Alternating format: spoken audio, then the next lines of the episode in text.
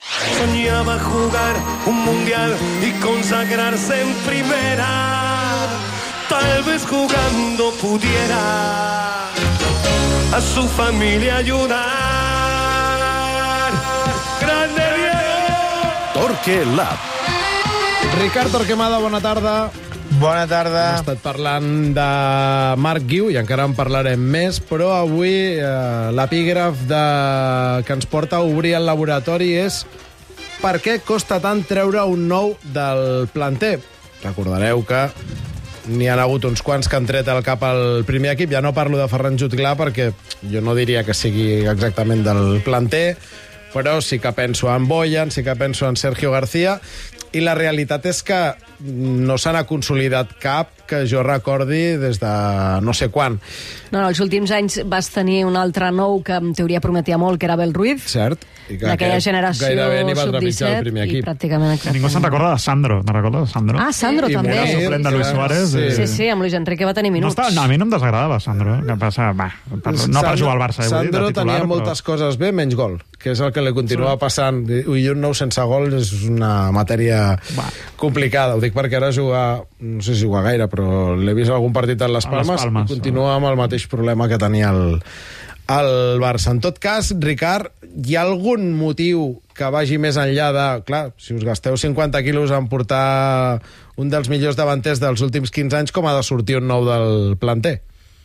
Bé, aquest seria el principal, no? que en grans equips costa que hi hagi un nou del futbol base que pugui fer-se espai, però jo crec que també va relacionat amb la cultura de club, no? Eh, on és la posició on pugen més futbolistes del Barça, del futbol base al primer equip, Mm, segurament zones de mig camp, no? Mm -hmm. I és que jo crec que la cultura del joc del Barça s'expressa més amb la passada que no pas en la rematada. És a dir, que tot el que es busca són davanters que mm, puguin ser un futbolista més, per crear superioritats numèriques, per associar-se. És a dir, el Barça entén la rematada com una conseqüència del joc, no com una assignatura més. És una cultura que ens ha impregnat a tothom, ja sabeu què penso dels mereixements, i perquè generem el mereixement de com juga l'equip, no de com remata, no? Perquè és com si, com si la part final del, del joc fos una part més aleatòria i, i probablement, eh, bé, segur que en altres cultures no, no ho és. Aleshores estàs valorant altres altres eh, qualitats no? en els teus davanters, no són jugadors que marquin diferències eh, amb la rematada, sinó que necessiten fer d'altres coses. Parlo en general, eh? perquè si parlem de Boyan probablement és una altra història, cada cas és un món, i entre això i la necessitat de tenir jugadors de primeríssim nivell que marquin diferències perquè és el, eh, és el, el jugador que més gols fa, probablement eh, el que més diferències marca, perquè és el més difícil del futbol, doncs entre una cosa i l'altra fa que l'exigència per un davanter centre per jugar al primer equip sigui eh, altíssima. Mm, tenint en compte que, que costa molt treure treure un nou del, del planter. Eh, Parlàvem abans, eh, Ricard, d'aquestes del fet que justament eh, Xavi li hagi donat l'oportunitat a, a un noi del, del juvenil. Tu això ho trobes una anomalia? Ja ho sentia, ja, el que estàveu dient.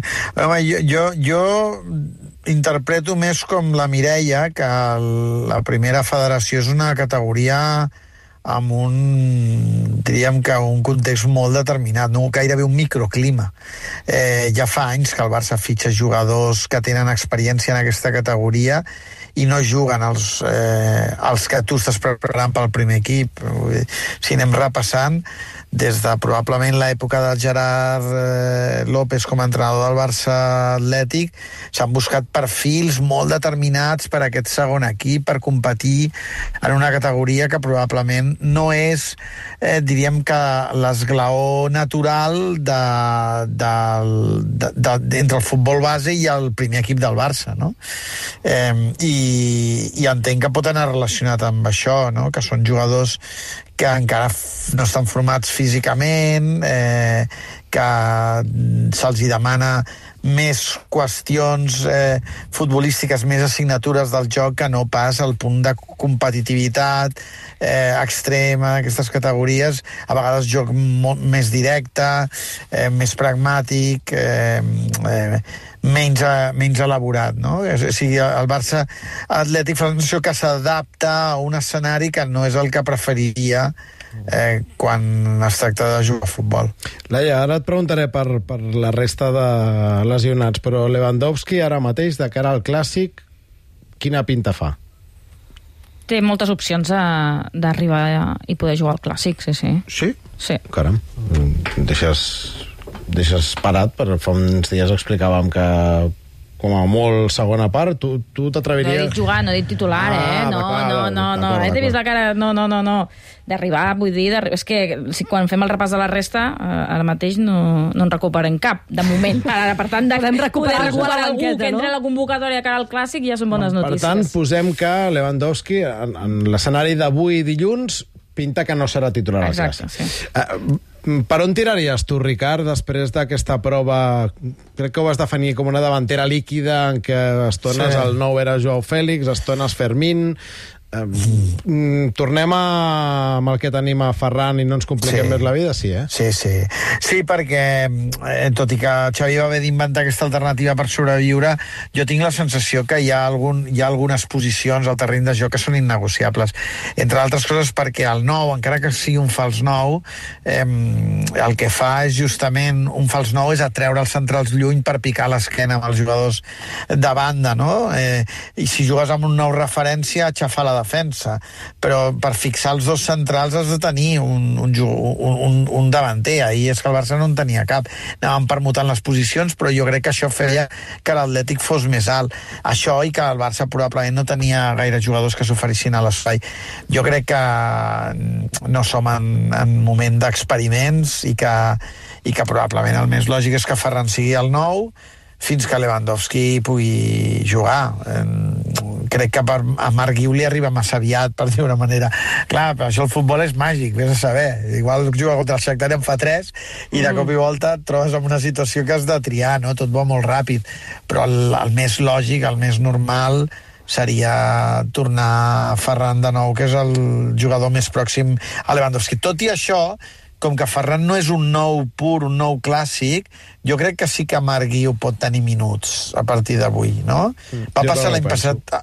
L'any passat també va passar al Madrid amb Álvaro, aquell Sí, jugador sí. català, no? Sí, sí, sí. Cada cop i volta va, va aparèixer, va fer gols i, i va començar a tenir minuts amb Ancelotti, després ha desaparegut del mapa. Sí, sap de, però- fet, eh, de fet, Álvaro Rodríguez el que van dir és que, de fet, ho va dir Ancelotti, que aquesta temporada seria jugador del primer equip, i en canvi a la pretemporada ja no se'l van dur a la gira. Eh, En el tram final de la temporada passada, un cop eh, debuta amb el Madrid, eh, el seu rendiment al filial baixa en picat, i certament, eh, vaja, jo crec que està al Madrid-Castilla, però no sé si està jugant. Sí, pero en ese sentido Ancelotti no es Xavi. Y, Ah, no, y, no. no, no, y quiero elogiar a Xavi que cuando ha tenido que abrir la puerta la ha abierto y, y- y no le ha temblado el pulso y ha tenido la personalidad y la valentía I- i para ha- colocar a jóvenes. I ha triat bastant bé, Sí, perquè eh, naturalment quan jugues amb gent de 16 i 17 anys pot ser que a algú li caigui el, el papater al, Claro, al damunt del cap i lògico. de moment encara no hem assistit a cap cas que diguis, ostres, Ancelotti no se le recuerda un- el último